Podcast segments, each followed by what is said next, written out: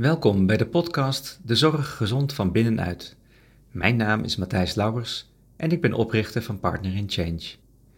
Ik ben deze podcastserie begonnen omdat ik iets teweeg wil brengen in de zorg. In de zorg werken mensen met hart en ziel voor hun cliënten en toch ervaren ze weinig werkplezier. Daar hebben we iets te doen. Maar wat?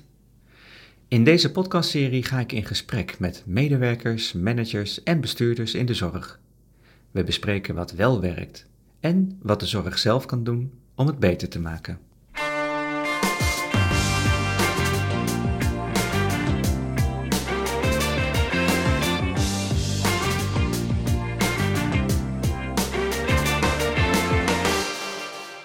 Annemaria, welkom. welkom in mijn podcast. Dank je. Ja. Wat een eer om hier te zijn. dat vind ik dan weer fijn om te horen. Um, voor de luisteraars die nog niet weten wie jij bent, zou je kort even kunnen zeggen wie je bent en wat je doet? Zeker. Ik ben Annemaria Vlier. Ik ben werkzaam bij Triade Vitré. Dat is een hele mooie organisatie in de Flevopolder, Noordoostpolder, deeltje van IJsselstreek.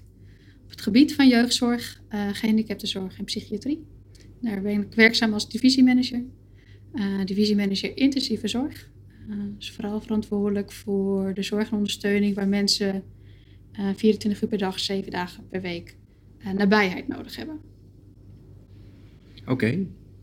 En dat is dus, je zegt jeugdzorg en gehandicaptenzorg gecombineerd. Mm Dat is, uh, vind ik, een opvallende combinatie. Hoe, hoe, ziet dat er in de dagelijkse praktijk uit? Zijn dat totaal gescheiden onderdelen of, of is daar een synergie in? Hoe, hoe werkt dat?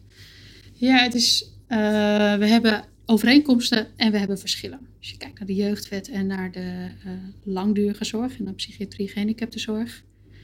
Um, de jeugdzorg kent over het algemeen een wat kortere, kortere aanwezigheid van een professional. En daar is ook echt um, het streven om zo min mogelijk en zo snel mogelijk uit een gezin uh, te zijn.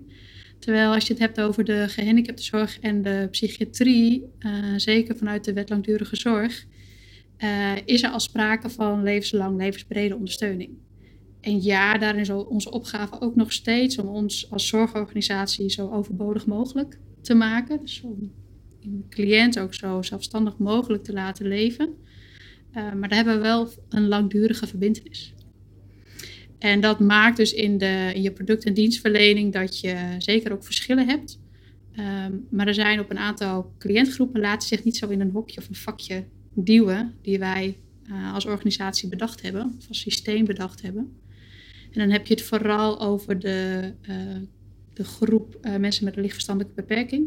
Ja. Die laat zich überhaupt niet in een, in een vakje duwen. Die kom je overal tegen. Uh, ja. Vooral ook buiten de, buiten de zorg. Gewoon regulier in de maatschappij. Maar die zie je ook in alle, alle dingen die je maar kan bedenken. Tot aan forensische zorg toe. tref je mensen met lichtverstandelijke beperking. Dus ook in de jeugdwet ook in uh, de langdurige zorg, zoals de gehandicaptenzorg en de psychiatrie. Um, en de groep intensieve, intensieve zorg, waar dus al sprake is vanaf de geboorte of vlak na de geboorte, een gevoel van er is iets niet, niet pluis. Um, en waarin dus gezinnen al heel jong uh, een forse ondersteuningsvraag in huis hebben. Ja, daarin stroomt iemand vaak qua financiering in de jeugdwet binnen, maar is ook al vaak op jongere leeftijd een uh, vermoeden dat dit wel eens langdurige zorg zou zijn. Uh, ja, en daar vinden we elkaar als gehandicaptenzorg en jeugd, jeugdzorg. En daarin is ook onze opgave om dat zo vriendelijk mogelijk voor die gezinnen te maken. niet onze eigen schotten naar nee. buiten te duwen. Ja, ja, dus daar is een hele mooie kans voor deze organisatie, voor Triade Vitré, om dat zo mooi mogelijk, zo vriendelijk mogelijk voor die gezinnen te gaan organiseren. En, en voelt het dan binnen jullie organisatie ook als één organisatie die, die twee groepen met een bepaalde overlap ertussen kan, kan helpen? Of, of ben je, voelt het ook alsnog als twee organisaties? Want het is een fusieorganisatie, toch? Ja, het is een fusieorganisatie. En daarbinnen is ook, zeker in het Vitré-deel, ook nog sprake van fusies van uh, de fusie hiervoor. Dus het is in die zin een samenvoeging van een organisatie en op bepaalde onderdelen dus ook best wel uh, verwaterd nog. En dat zie je inderdaad juist in die dynamiek, hè, kortdurend, langdurend. Daar zie je in termen van ondersteuning, dus hoe regel je HR-processen in, hoe regel je controlecyclus in. Ja, daar zijn best wel grote uh, verschillen. En dan voelt het nog soms niet als samen. Uh, ook de omvang, hè. Vroeger was alles klein en benaderbaar. En nu heb ik 2000 andere collega's. Dat, daar voelen medewerkers zich niet altijd gezien in. Maar op het moment dat je het hebt over een cliëntvraag en wat ons bindt, dan zijn die verschillen zijn ineens weg. En dat is echt heel mooi op te, om oh, ja. En, maar is dat dan ook de passie voor de zorg? Ja, dat is. Ja, ja. dat bindt toch altijd wel. Ja, maar dat is, dat is voor de zorg, dat is denk ik uh, hoe je als vakvrouw, vakman naar iemand kijkt. Dus dat, is, dat geldt voor ieder willekeurige sector, denk ik. Um, op het moment dat jij je verbindt aan dit wil ik, dit wil ik toevoegen aan mijn leven, dit wil ik toevoegen aan iemand anders leven, ja, dan pakt daar ergens een vuurtje. Ja, en dat moet je ook als organisatie, is dat ook je, um, je taak en je opgave om dat te wakkeren, aan te wakkeren. Ja, en dan slechten die grenzen ook, wat mij betreft. Ja, ja precies. Ja, ja. Dus, dus het wordt er meteen interessant, hè? want je hebt het dus over hoe um, je als organisatie je tot elkaar verhoudt. En uiteindelijk datgene wat je bindt, dat is namelijk het kunnen leveren van zorg. en, dat mhm. is, en, en daarom gaan mensen ook vaak in de zorg, toch? Ja, dat is. Uh, ik, ik, wil niet. Ik ga niet zeggen iedereen. Want er zijn ook een heel grote groep die mensen die uh, een andere waarde heeft waarom ze aan de slag uh, zijn bij een zorgorganisatie. Maar het grote gros heb ik wel leren kennen als een van mens tot mens. Ik wil wat betekenen. Ik wil graag, en over het algemeen zijn ze al redelijk zorgend van aard en ervaren ze de, de diepste wens om het leven voor iemand anders mooier en beter te maken. Ja. ja.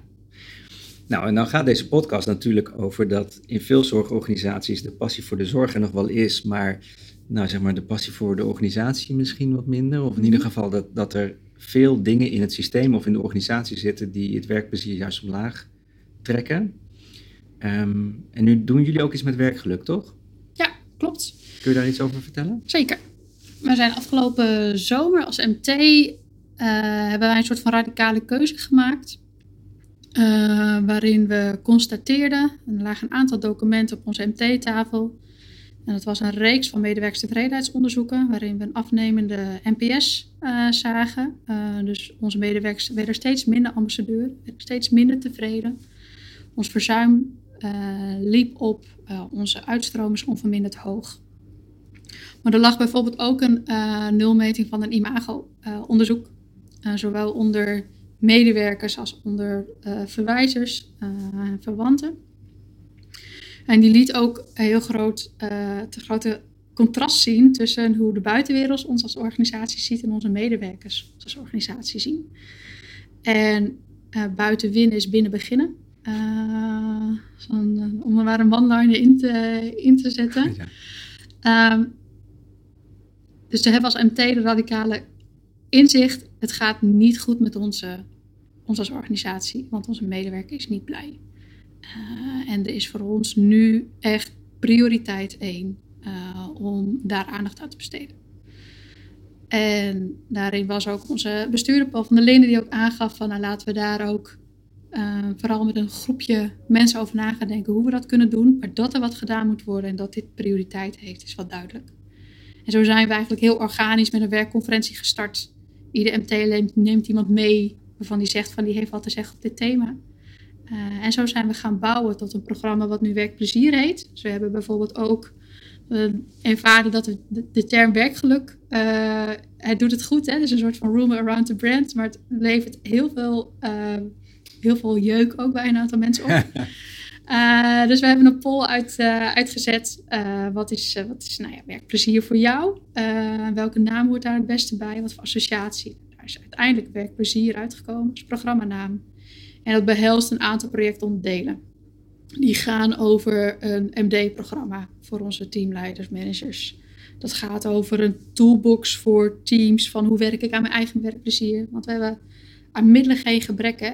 Als je neemt Good Habits of een ander aanbod. We hebben het kust en te keur beschikbaar voor medewerkers zelf om aan je eigen plezier te werken.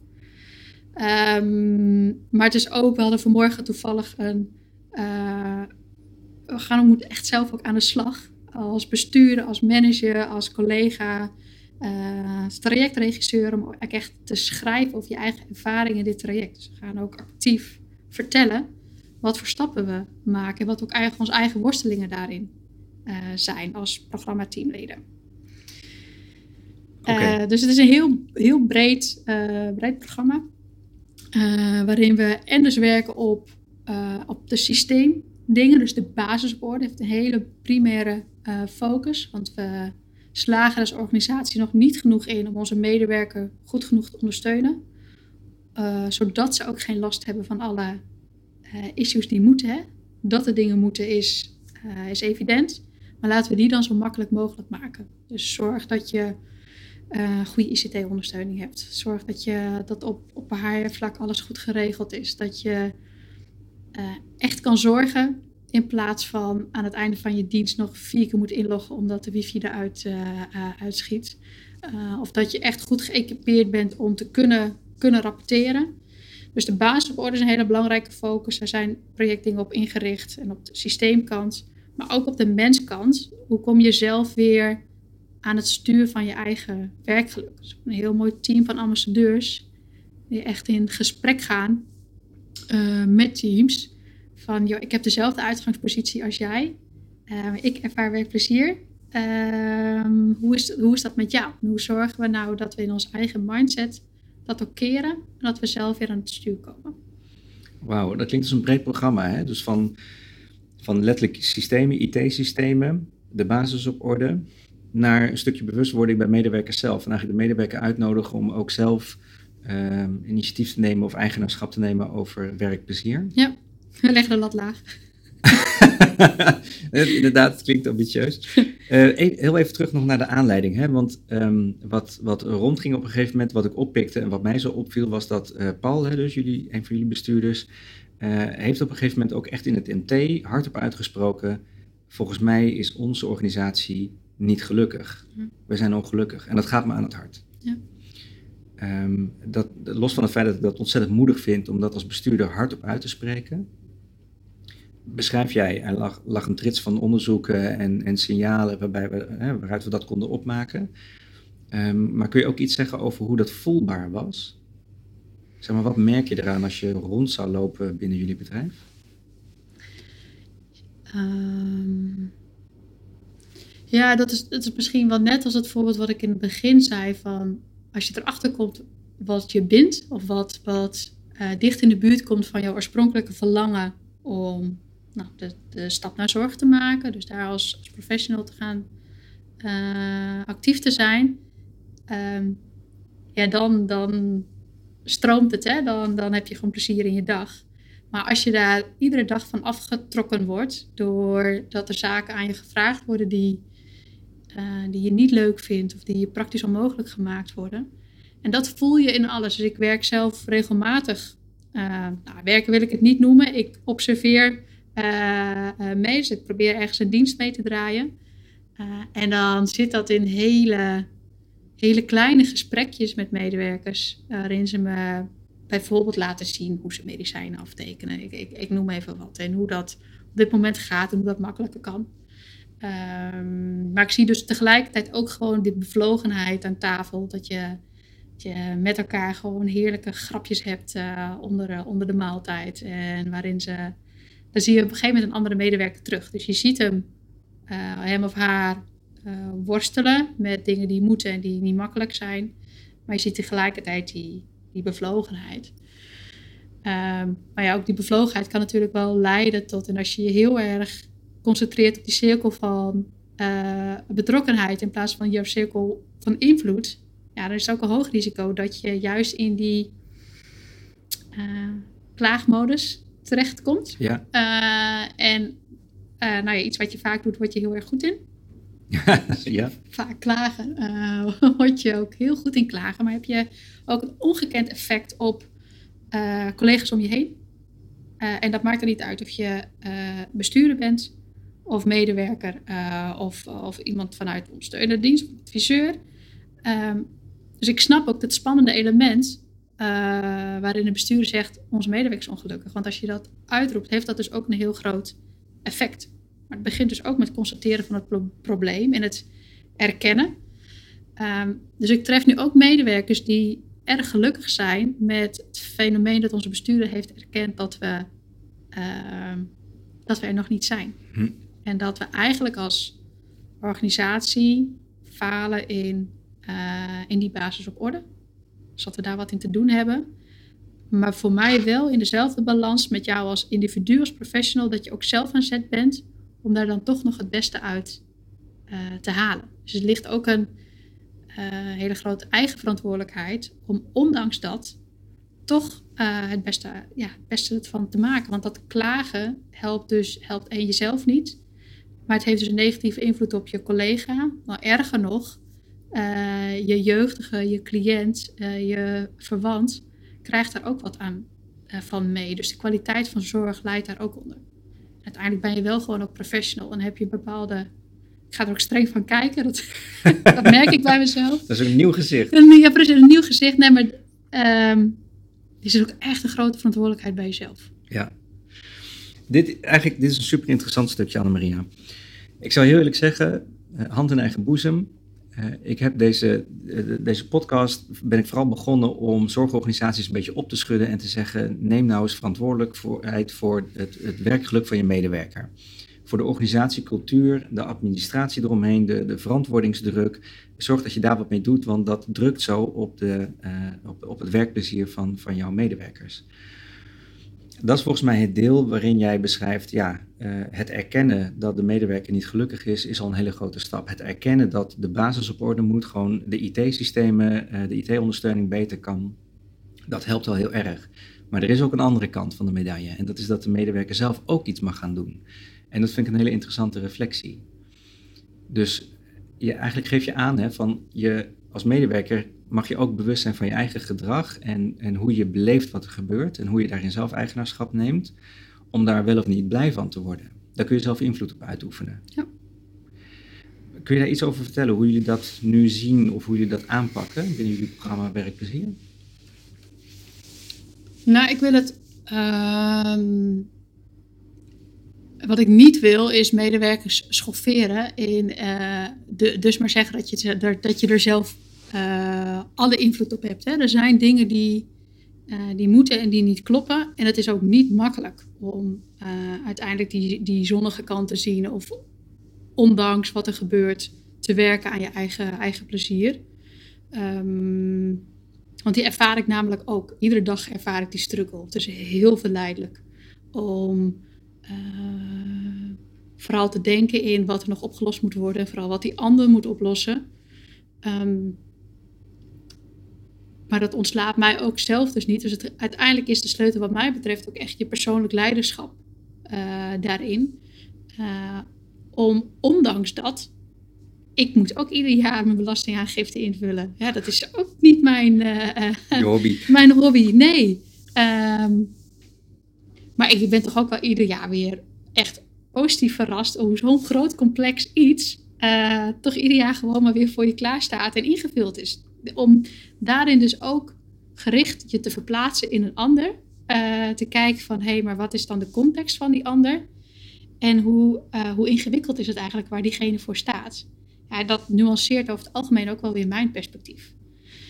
En dan de koppeling te maken, wat doen we daar in het programma Werkplezier? Nou, daar hebben die ambassadeurs dus een hele cruciale rol in. Die, uh, en die, dat ervaar ik ook aan de lijve, hoe zij als persoon zijn, dragen ook alle, allemaal echt dat persoonlijk leiderschap heel hoog. Ze introduceerden zich laatst op een conferentie, waarin ook één zei van ja, ik heb normaal een grote, grote mond, nou dan moet ik het laten zien ook. Dus zij zei, hebben een hoge norm voor zichzelf, uh, maar dus ook voor de ander.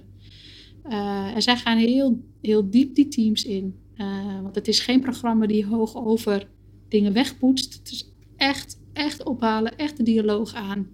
Um, we hebben daar een mooi format in uitgewerkt in uh, dingen die de, aan de organisatie liggen, maar ook dingen die je zelf als team kan oplossen. En die worden vervolgens ook weer opgevolgd. Met dit hebben we toen afgesproken. Hoe is het gegaan? Ze hebben ook een erg strenge mores in, ehm, in zakelijkheid. Ja. Um, dus het opvolgen van afspraken, uh, je eraan houden. Dit hebben we toen met elkaar afgesproken. Hoe is dat nu gegaan? Want praten kunnen we allemaal. Dat kunnen we heel erg veel. Um, maar ik gun de zorg en ik ben mijn hele werkzame leven actief in de zorg, maar ik gun de zorg zoveel meer zakelijkheid. Um, door het goed te doen voor de ander en door uh, de relatie in stand te houden, um, doen we niet altijd recht aan onze opgaven die we als organisatie hebben. En dan is het, zijn we in de zorg publiek gefinancierd, hè, dus we vallen ons er ook niet direct een bel aan. Maar als wij dus onze afspraak niet nakomen ten opzichte van een uh, commercieel bedrijf. Tegelijkertijd, ze hebben ons natuurlijk nu wel, zeker in de, in de jeugdzorg, zo in een, in een fuik gewerkt. Dat als wij niet kunnen afstemmen op wat die, die klantgroepen van ons nodig hebben, um, ja, dan gaan we wel de bietenbrug op uh, als organisatie. Dus we moeten veel zakelijk ja, zakelijker ook kijken naar wat hebben we afgesproken. Van mens tot mens, uh, maar ook naar onze uh, klanten die betalen, namelijk de gemeente. En hoe zorgen we dat dat uh, past in onze organisatiefilosofie? Wat willen we daarin bereiken? En daarin ook een bepaalde mate van koersvast zijn. Maar vooral ook gewoon ja, leveren en, en rekenschap als organisatie ook afleggen. Oké, nu is er een duiveltje in mijn hoofd. En dat, en dat begon op het moment dat je het woord zakelijk gebruikt. Ja. Gebruikte. Um, want want uh, is het niet ergens ook juist dat de, de verzakelijking, um, uh, schuine streep de marktwerking in de zorg, ertoe heeft geleid dat alles heel erg wordt vastgelegd in verantwoordings Ehm, regels, protocollen, uh, handboeken, administratie, noem allemaal maar op, wat je ook zou kunnen scharen onder verzakelijking. Hè? Dus wat bedoel je met dat zakelijk werken dan? Ja. Hoor je iets zeggen over uh, eigenlijk zeggen wat je doet en doen wat je zegt. Ja. Maar er zit ook een, een stuk in van doen eigenlijk. Ja. Stop, uh, iets minder praten en iets meer doen. Exact. Is dat het? Ja, precies. En voor mij zijn dat wel echt twee totaal verschillende dingen. Ehm, marktwerking en, uh, en zakelijke, zakelijke principes of meer zakelijk werken. Um, een aantal markt, marktprincipes uh, zijn eigenlijk gewoon maatschappelijke uh, principes. Dus de, het is een, toch ook een kwestie van vraag en aanbod. En in die zin wel in een, in een, in een kader met, ehm, nou, wat hebben we als maatschappij daar voor over? En die protocollen en die systemen, die zijn van alle dag. Die, zijn, die waren er niet opeens toen wij marktwerking in de zorg gingen, gingen toepassen. Nee. Uh, het is volgens mij een hele menselijke behoefte om als het spannend wordt. Uh, dus het wordt spannend in de zin van je moet je als professional verantwoorden voor een handeling. Uh, of die wordt spannend, want je moet je als organisatie verantwoorden aan je financier. Uh, dan vinden we het wel heel erg fijn om ergens een protocol te hebben, zodat we het protocol uh, de schuld kunnen geven in plaats, van, in plaats van onszelf. En natuurlijk wordt dat versterkt, zitten er perverse prikkels in het, in het systeem, hoe we het nu hebben georganiseerd, uh, die dat ook nog eens een keer in de hand spelen. Toch maar weer ook weer terug naar je persoonlijke element. Als je als organisatie dus ook kritisch naar jezelf durft te kijken, naar je eigen handelen daarin, ga, is dat voor mij de enige manier om daar op een goede manier uit te komen. En de enige reden waarom we als zorg niet collectief. Uh, nee, doordat we dus in een, in een zorgomgeving zitten, worden we niet zo hard afgestraft. En is die urgentie minder groot um, dan in de commerciële markt. Dus, daar, dus die zakelijke principes, die vind ik echt van toegevoegde waarde in de zorg. Omdat het je juist heel erg leert uh, af te stemmen op die ander. Ja. En daarbij zie ik heel veel zorgprofessionals dat vanuit hun zorghart uh, willen doen. Maar ongemerkt dat heel erg van binnen naar buiten doen. Um, en dus heel erg een persoonlijke opvatting hebben van in de zorg behoort iets zo te gaan, volgens een bepaalde methodiek, volgens een bepaalde filosofie. Ehm, niet altijd alert te zijn op, is dat ook wat daadwerkelijk een klant van me vraagt? Is dat, is dat wat de gemeente van me vraagt? Of is dat wat de cliënt van me vraagt? Of de jeugdige? Ehm, niet steeds die afstemming hebben. Ehm, daar ook geen verantwoordelijk, ja, geen rekenschap op afleggen. Dan, kun je, dan heb je nog net zo die goede intentie, maar mis je wel net de boot, mis je wel net de finesse. Ja, bij deze is heftig. Althans, ik kan me voorstellen dat, dat zorgmedewerkers die misschien ook wel niet anders gewend zijn dan uh, de, de, het protocol te volgen of de, de gewoonte te volgen van wat je altijd deed. Uh, om die te gaan leren of om uit te nodigen zich open te stellen voor. En laat dat nou eens los en kijk eens naar wat heeft deze cliënt eigenlijk nodig of wat vraagt de gemeente van ons. Uh, en neem dat eens mee in je overwegingen. Dat, is, dat lijkt me een, een verandering van manier van werken. Ja, en vooral ook als organisatie, hè? want uh, waar, waar, is je, waar is je controle? Uh, want uh, ja, je komt geen Excelletje uit met scores op KPI. Hoe hebben we, hoe hebben we dat gedaan? Dus dat is al spannend in zichzelf. Dat is al spannend in zichzelf, ja, dat klopt. Um, maar ik heb de diepste overtuiging dat dat uiteindelijk dus bijdraagt aan, het, aan de empowering van een professional. en dus ook werkplezier. Uh, maar het vraagt dus vooral wat van, als, van ons als organisatie. Vertrouwen we echt die professional ten diepste dat hij zijn vak kan uitoefenen? En dan heb ik, heb ik, uh, ik heb hiervoor bij Philadelphia Zorg gewerkt. Ja.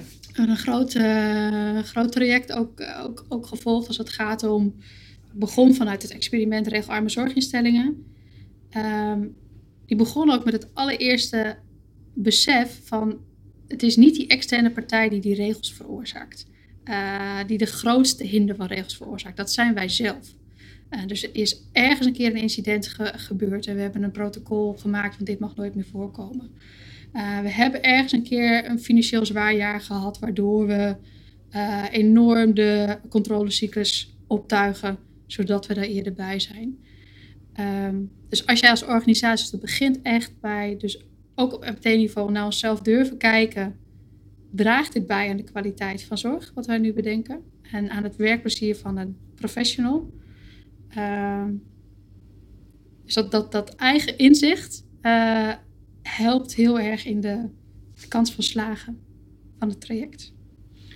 Dit is, dit is wat vaker naar boven komt, Annemaria. Dat, dat um, het werken vanuit ja, een gevoel van angst of proberen te voorkomen van iets wat pijn heeft gedaan in het verleden, zorgt voor een vergroting van, de, van een bureaucratische of van een regeldruk. Mm -hmm. uh, en de uitdaging zou dan zijn om uh, angst plaats te laten maken voor vertrouwen.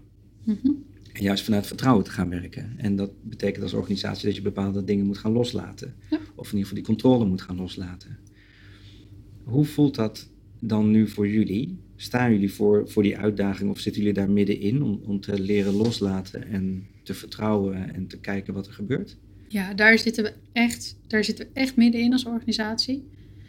Dus ik kan ook nog niet zeggen hoe we daaruit gaan komen. Uh, daar is wel, zeg maar, het beseffen gaan binnenkort ook een tweedaagse in, waarin we een thema ook echt aan het woord vertrouwen uh, richten. Um, maar het kan dus ook niet zonder verantwoordelijkheid. Toch ook nog maar even een oude mentor bij Philadelphia op mijn, op mijn schouder die dat, die dat ook predikte. Uh, dat je kan dus organisatie vertrouwen geven, maar het vraagt dus ook een heel groot verantwoordelijkheidsgevoel van medewerker. Uh, en dus ook het verantwoordelijkheid nemen. Ander, uh, ander model wat je daarin onder kan leggen is gewoon zelfdeterminatie. Hè? Dus je, als je ervaar je als medewerker autonomie, ga je ook echt aan de slag met jouw competenties. Heb je het gevoel ergens bij te horen? Of noem het uh, rekenschap afleggen, uh, ruimte geven als organisatie, maar ook richting geven. Um, het een kan niet zonder, kan, zonder het ander. Dus je kan niet naar blind vertrouwen. Uh, je hoort ook altijd de vorm van rekenschap, verantwoordelijkheid bij. Um, en dat mag je dus ook realiseren als individu in deze organisatie. Dat je zelf ook van invloed, van invloed bent op hoe we naar die vertrouwensbalans bewegen. Ja. Het heeft dus echt te maken met wat je daarin zelf dus ook laat zien. Ja, je zou bijna kunnen zeggen dat het wederkerig is. Je kan niet alleen maar vertrouwen blijven geven als leiding uh, en, en daar niks voor terugzien. De, tegelijkertijd moet je ook voelen dat je nog meer vertrouwen kan geven op het moment dat je ziet dat de professional het aan kan en ook die verantwoordelijkheid kan nemen. Ja. Zoiets? Ja, ja dan spreek ik mezelf, mezelf ga ik een beetje tegenspreken door te zeggen dat daar een hele belangrijke vorm dus dialoog is. En ik heb iets eerder gezegd dat er heel veel gepraat wordt in deze organisatie. Maar noem het dan maar ja, over de zinnige dingen praten. Dus we hebben iets te veel gesprek over uh, spreadsheets en constateren dat er een probleem is. En uh, het ophalen van een, uh, een, een, oogst van een overleg zonder dat we daar duidelijk afspraken over hebben gemaakt. Daar hebben we, dus moet echt een ander gesprek gevoerd worden. Moet juist die dialoog met die medewerker aangegaan worden van wat helpt jou in het nemen van, van verantwoordelijkheid. Uh, en hoe kunnen wij als ondersteuning, als management, als organisatie jouw werk weer zo leuk mogelijk maken? Ja, en dan, oké. Dus er zijn eigenlijk twee delen. Hè? Dus aan de ene kant uh, de medewerker weer uh, uitnodigen hè, van hoe kun jij nou meer verantwoordelijkheid nemen. En aan de andere kant zit het ook een beetje, nou ja, dat begint misschien ook wel bij de leiding. Hoe kunnen wij vertrouwen gaan geven? Hoe kunnen wij zelf ook dingen gaan loslaten? Nou, je gaf net aan, daar zitten we middenin. Hoe voelt dat? Ja, nou man, ik dacht echt, oh, heb ik, heb ik dit nu echt hardop gezegd? Word ik nog opgenomen ook? Ja, nee, dat is natuurlijk hartstikke spannend. Dat is echt heel, heel erg spannend. Want het is natuurlijk. Uh, ja, je gaat ergens een proces in waar je nog niet weet waar het eindigt. En uh, hoe zorg je dan dat je uh, ook wel een beetje in controle blijft? En dat is, dat is een balans die, uh, die je elke dag weer opnieuw moet, uh, opnieuw moet zoeken. En die kan voor mij natuurlijk wel op, anders worden geduid als een collega MT-lid. Um, maar daarvoor is het dus heel belangrijk dat je steeds weer teruggaat naar wat is onze nou ja, diep geworden verlangen zeg maar, als organisatie. Wat hebben we bij te dragen? Voegt dat dan nog wat toe? Uh, voegt dat dan toe wat we nu aan het, aan het doen zijn? Dus het is aan de ene kant spannend en tegelijkertijd denk ik ook op het moment dat je maar genoeg je richt op wat die ander nodig heeft, uh, dan komen we er ook wel. Maar gaat het, gaat het ergens ook niet verder? Gaat het ergens niet ook over um, het onder ogen zien van je eigen reflex, van je eigen copingmechanisme als het spannend wordt? En, en de, als ik het zo hoor, gaan er echt nog wel periodes komen dat het, dat het spannend wordt. Hè, van, oh, oh jee, gaat dit nou wel goed? Om dan dus juist niet te doen wat je altijd deed. Namelijk ingrijpen of erbovenop gaan zitten of te micromanagen of nou ja, wat dat dan ook is, dat, je, hè, dat dat controle is. Maar juist te zeggen, laten we even op onze handen blijven zitten. Ja, oh, ik ben echt allergisch voor op je handen, op je handen blijven zitten. Uh, maar je hebt, je, hebt helemaal, je hebt helemaal een punt. Alleen dit op je handen zitten, dat is echt zo'n zorg, zo'n zorgjargon. Um, maar de crux zit hem inderdaad wel onder de, onder de knie hebben van je impulsen. Ik had, laatst maakte ik een training mee uh, als het gaat om hartcoherentie.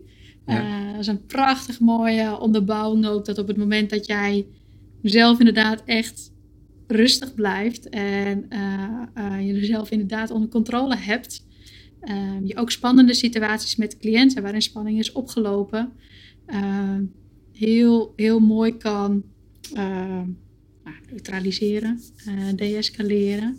Maar op een hele, hele mooie, een hele mooie menswaardige manier. En dan gaat het uiteindelijk in de basis gewoon om heb je jezelf onder controle. Ja. En dat is denk ik ook inderdaad in mijn functie of als, als MT hebben wij onszelf voldoende onder controle. En, en, ja. wat, wat helpt jullie nu dan in dat, in dat spanningsveld? Wat, wat helpt jullie om, om daar steeds makkelijker in te worden, om jezelf onder controle te houden, om het zo maar te zeggen? Ja, onszelf dus steeds die, die uh, vraag te stellen. Um, daarin het gesprek ook aan te gaan, maar ook dingen voor onszelf dus beter, beter organiseren. Um, dus wie is, nou, wie is nou waarvan? Dus ook voor jezelf gewoon een hoge uh, verantwoordingsmodus uh, aanleren. want dat geeft dan ook zekerheid. Dus gewoon heel, heel simpel. wie bel ik nou waarvoor? Dan hebben we dat hardop uitgesproken naar elkaar. En kun je dan ook um, daarin verantwoordelijkheid afleggen naar je collega's, kunnen we elkaar daar gewoon op aanspreken. Eigenlijk begint het gewoon wel bij onszelf. Dus eigenlijk ook een stukje verzakelijking daarin. Ja, ja. Het is echt een. Uh, ja, het, het, het, klinkt heel futiel, maar het is zo, zo belangrijk dat je ook gewoon in je ja, eigenlijk dagelijkse handelen heel snel, heel, heel strak kijkt naar wat heb ik afgesproken met wie. Uh, kan ik dat nakomen? Ja, ja. ja. ja mooi hoor. En, uh, oké, en dan die andere kant, hè? Dit, dit is natuurlijk ook een beetje voor, voor zorgorganisaties van, goh, hoe kunnen we nou geïnspireerd raken van de reis van andere organisaties? Het, het uh, gevoel kweken bij de medewerker van, goh, waar kan ik nou de verantwoordelijkheid voor nemen in mijn werk, maar ook in mijn eigen werkplezier? Um, wat zijn de initiatieven waar jullie nu mee bezig zijn? Ja, ik heb, er, ik heb die ambassadeurs al, uh, al genoemd. Uh, nou, we organiseren dus werkconferenties waarin we uh, een soort van zweef, zwaan, kleef aan principe hebben. Dus dat is begonnen met, joh, we nemen allemaal iemand mee die wat te zeggen heeft op dat thema. Maar diegene neemt ook naar de volgende conferentie weer een ander mee. dus zo ga je echt werken op persoonlijke affiniteit, persoonlijke uitnodiging. Die groep groeit, groeit vanzelf. en die conferenties laten ook echt een motor zijn voor de rest van de vormgeving van het programma. Um, we hebben een, uh, een soort van belteam. Uh, collega's die het leuk vinden om zich te bekommeren om een ander. dat ook echt wel zien als hun, als hun taak. nou, die, die supporten we ook en die stellen we in de gelegenheid om vooral veel collega's op te zoeken, te bellen. we hebben digitale koffiepraat uh, gelanceerd. Dus de, de armoe, zeg maar, na twee jaar corona. Ik kom niet meer toevallig een collega tegen bij de koffiemachine. Die hebben we proberen digitaal te vervangen. Uh, sinds kort uh, hebben onze beide bestuurders ook een, een, een, online plek met als thema Vertel ons eens. Dus waar je gewoon op kan inbellen als medewerker, waar je de bestuurder rechtstreeks spreekt, vraagt, vertelt over wat jou bezighoudt. Mooi. Ja. Wauw.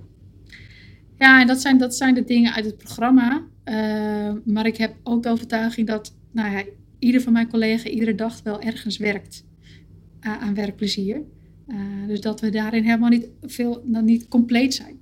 Ehm, maar dat het ja, vooral ook gaat om hoe zorgen we nou dat we een mooie voedingsbodem creëren.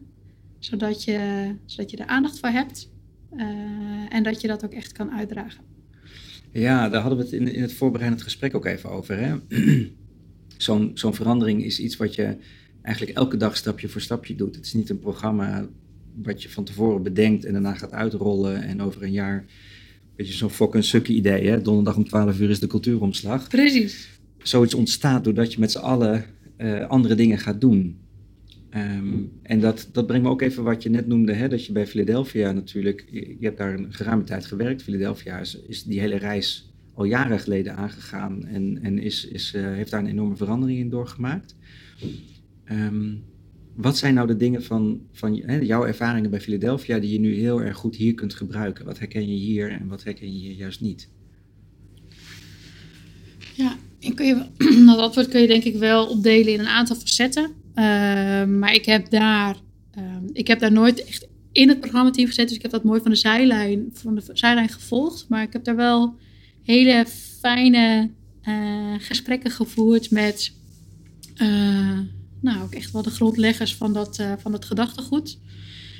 en die, die uitspraken, die one-liners en die benadering neem ik nog gewoon iedere dag met mij mee.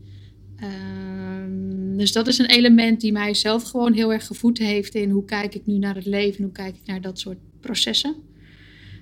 Um, precies door de tijd heen zijn natuurlijk een aantal principes universeel. Die, uh, de veranderkundige principes, die uh, heb ik daar gezien, nou, die ontstaan hier nu weer. Dus hoe belangrijk het is dat je, na, dat je in een verandering ook perspectief brengt. Als verandering op zichzelf is spannend en blijft spannend. Dat manage je niet weg. Uh, maar het is wel heel fijn om echt een goed organisatieverhaal te hebben. Waar willen we heen met elkaar? En wat is ons uh, dat gevoel van verbondenheid vanuit die zelfdeterminatie? Waar wil ik bij horen? Een heel sterk merk uh, neerzetten. Dat heb ik echt geleerd bij Philadelphia. En dat klinkt hartstikke marketing en hartstikke zakelijk. En dat is een heel vies woord. Maar ik heb wel gezien in hoe, hoe dat werkt. Philadelphia is echt een organisatie die daarin uh, marketing ook op een sleutelpositie in de organisatie heeft. Dus dat klantdenken en dat redeneren vanuit die klant. En dat is de cliënt, de jeugdige, dat is zijn verwant, zijn, de verwijzers, degene die de klant die kiest. Maar dat is net zo goed ook de klant die financiert, dus het zorgkantoor of de gemeente.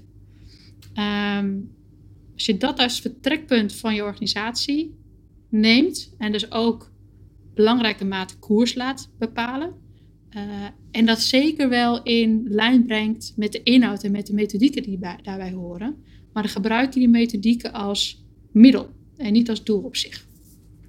En dus dat afstemmen op die klant echt op uh, nou, in je strategisch meerjarenbeleid, in je organisatievisie, in je kernwaarden verwerkt, uh, geeft dat heel mooi richting aan je organisatie en lood je dus ook jouw organisatie door, dat, door een, een, een, een vorm van marktwerking heen. Uh, nou, dat heb ik Philadelphia heel erg geleerd. en dat neem ik hierin ook weer mee. Hoe ons dat wel eens zou kunnen helpen op een hele nou ja, gedegen manier. door deze roerige tijd van vastgelopen systemen te komen. Want we hebben intern veel te doen, maar zeker als je naar de jeugdwet kijkt, is er behoorlijk, staat de tent behoorlijk in de, in de hens. Uh, dus moeten we ook zorgen dat we daar uh, goed doorheen komen als organisatie. Hoe bedoel je, de, de tent staat wel behoorlijk in de hens?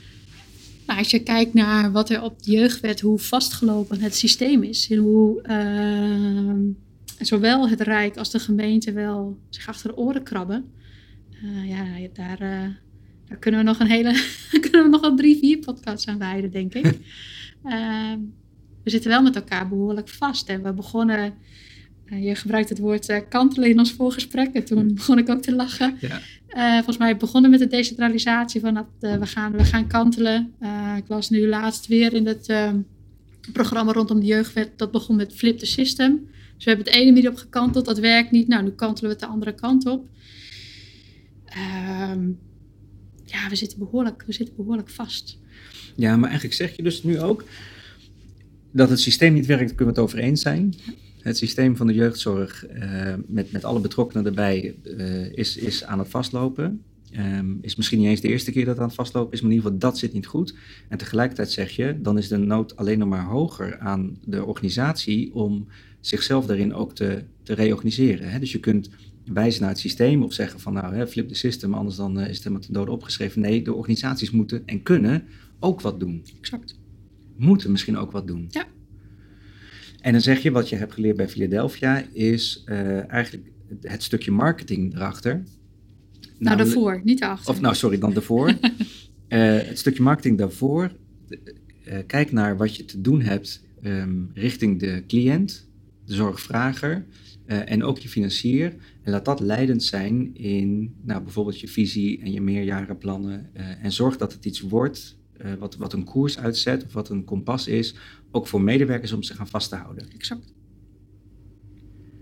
En dan denk ik weer met mijn duivelstemmetje in mijn hoofd. Maar zeggen die medewerkers dan niet, oh ja, er komt weer een, een nieuw mooi verhaal aan. is dat niet een beetje oude wijn in nieuwe zakken? Nou ja, en sterker nog, woorden als marketing en branden en ja, dat is natuurlijk verschrikkelijk, want dat is zo niet waar we, waar we voor op aarde zijn. Want waar we voor op aarde zijn is zorgen. Dus dan is het vooral ook, gebruik je dan dat denken en die modellen en die technieken uh, ook weer als instrument en niet als doel op zich. Want uiteindelijk hebben we wel hetzelfde vertrekpunt. Dat is die klant dienen. Wij zijn er, wij als organisatie bestaan omdat die cliënt er is. Uh, en niet andersom. En als je dat uh, ook heel, heel erg uitdraagt, maar dat is ook ten diepste ervaart. Dus ook niet marketing als kunstje uh, doet, dan heb je die professional ook mee, want we willen hetzelfde. Ja. En dan wordt het ook geloofwaardig voor, voor je ja. medewerkers. Ja. Oké. En, en cliënten zelf en ouders en verwanten. Ja. ja. Ik, ik vind dat je ehm, heel open bent over, over het systeem in de jeugdzorg hè, en dat daarmee ook uh, de, de tent uh, in de fik staat. Um, wat, wat zou nou, als, als je kijkt naar, naar jeugdzorg even specifiek, hè, wat zou nou jouw advies zijn voor juist de jeugdzorgorganisaties om bijvoorbeeld morgen al mee te beginnen? Om juist vanuit die organisaties van binnenuit dingen beter te maken. Ga je lachen? Ja, nou ja. Wauw, wat een, wat een vraag voor echt een immens probleem. Ehm, en daarbij, als ik dat. Dus ik heb echt wel een antwoord in mijn hoofd, maar daarbij dus ook een. Ik kan niet genoeg benadrukken dat hoe ingewikkeld het is. En, en juist vanuit dat morele appel dat je er wil zijn voor een ander, hoe uh, moeilijk dat ook is. Maar als we ook kijken, er gaan ook heel veel dingen goed. En we zijn tot heel veel toe in staat, hebben heel veel mooie trajecten al uh, bereikt. Uh, dus ik denk dan vooral in toch steeds het kritisch kijken welke interne belemmeringen hebben we onszelf nou nog opgelegd. Uh, die dat behalen van het doel nou um, bemoeilijkt. Uiteindelijk hebben we, hebben we daarin het, hetzelfde doel. En dat is uiteindelijk ook echt die, die, die jeugdige zo, zo gezond mogelijk, zo veilig mogelijk en zo min mogelijk afhankelijk maken van de zorg. Dat, doel, dat, dat is ons, ons doel op aarde. Dat, daar veranderen en verschillen wij niet zo van of je nou uh, directeur sociaal domein bent, of je bent bestuurder van deze organisatie, of bent professional, uh, of je bent iemand uit het netwerk. Um, en nou ja, wel, kijk dan ook eerlijk naar jezelf. Naar welke belemmering heb ik mezelf opgelegd? Uh, of leg ik een ander op om bij dat doel vandaan te komen? Dus dat zijn, twee, dat zijn eigenlijk twee stappen die je te zetten hebt. Aan de ene kant dus terug naar de basis. Waarvoor zijn we hier nou eigenlijk? En dat is die, die jeugdige veilig opvangen, helpen, zo snel mogelijk weer zelfstandig of in een veilige omgeving kunnen laten verder opgroeien. En het tweede is dan, en welke belemmeringen heb ik voor mezelf opgeworpen of loop ik tegenaan waar ik wat aan kan doen? Om die af te breken, om die weg te nemen. Ja. Heel mooi. Heel mooi. Ehm, jullie zijn nog niet heel erg lang geleden met deze hele verandering begonnen, hè? Klopt. We hadden het in het begin even over dat je zei van ja, nu, nu staan we echt, nu, eh, het gaat nu echt beginnen. Hè? Dus, dus uh, uh, we zitten er ergens middenin en tegelijkertijd als we over een jaar terugkijken gaan we zien hoeveel er eigenlijk al is gedaan. En ik dat vergeleek dat een beetje met de baron in de Efteling. Hè? Dus mm -hmm. jullie, jullie hangen nu daarboven. Je weet dat er iets gaat gebeuren, maar nou, je weet nog niet helemaal hoe je erbij voelt en het is allemaal nog best wel spannend. Ik zou het geweldig vinden als ik over een tijdje nog een keertje mag langskomen. Uh, en dat we dan eens terug mogen kijken. Van, goh, wat zijn nou de geleerde lessen? Waar, zijn, waar hebben jullie tegen aangelopen? Wat is onwijs succesvol gebleken? Um, uh, waar andere zorgorganisaties ook echt wat van kunnen leren of door geïnspireerd kunnen raken. Maar, en of ik dan misselijk ben geworden of niet van de bron. Ja, ja, ja, precies. Dat. Die lijkt me leuk. Ja. Oké. Okay. Dat is goed, dat gaan we doen. Nou, heel graag. Ik wil je ontzettend bedanken voor je, voor je openhartigheid. Uh, ontzettend bedanken voor je tijd en ik wens jullie ontzettend veel succes ook uh, in, in, de komende periode bij uh, Triade Vitré. Dankjewel, gaat lukken. Mooi, dankjewel.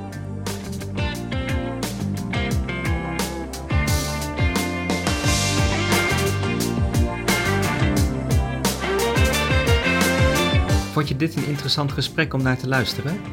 Abonneer je dan op deze podcast via iTunes, Spotify of je favoriete podcast app.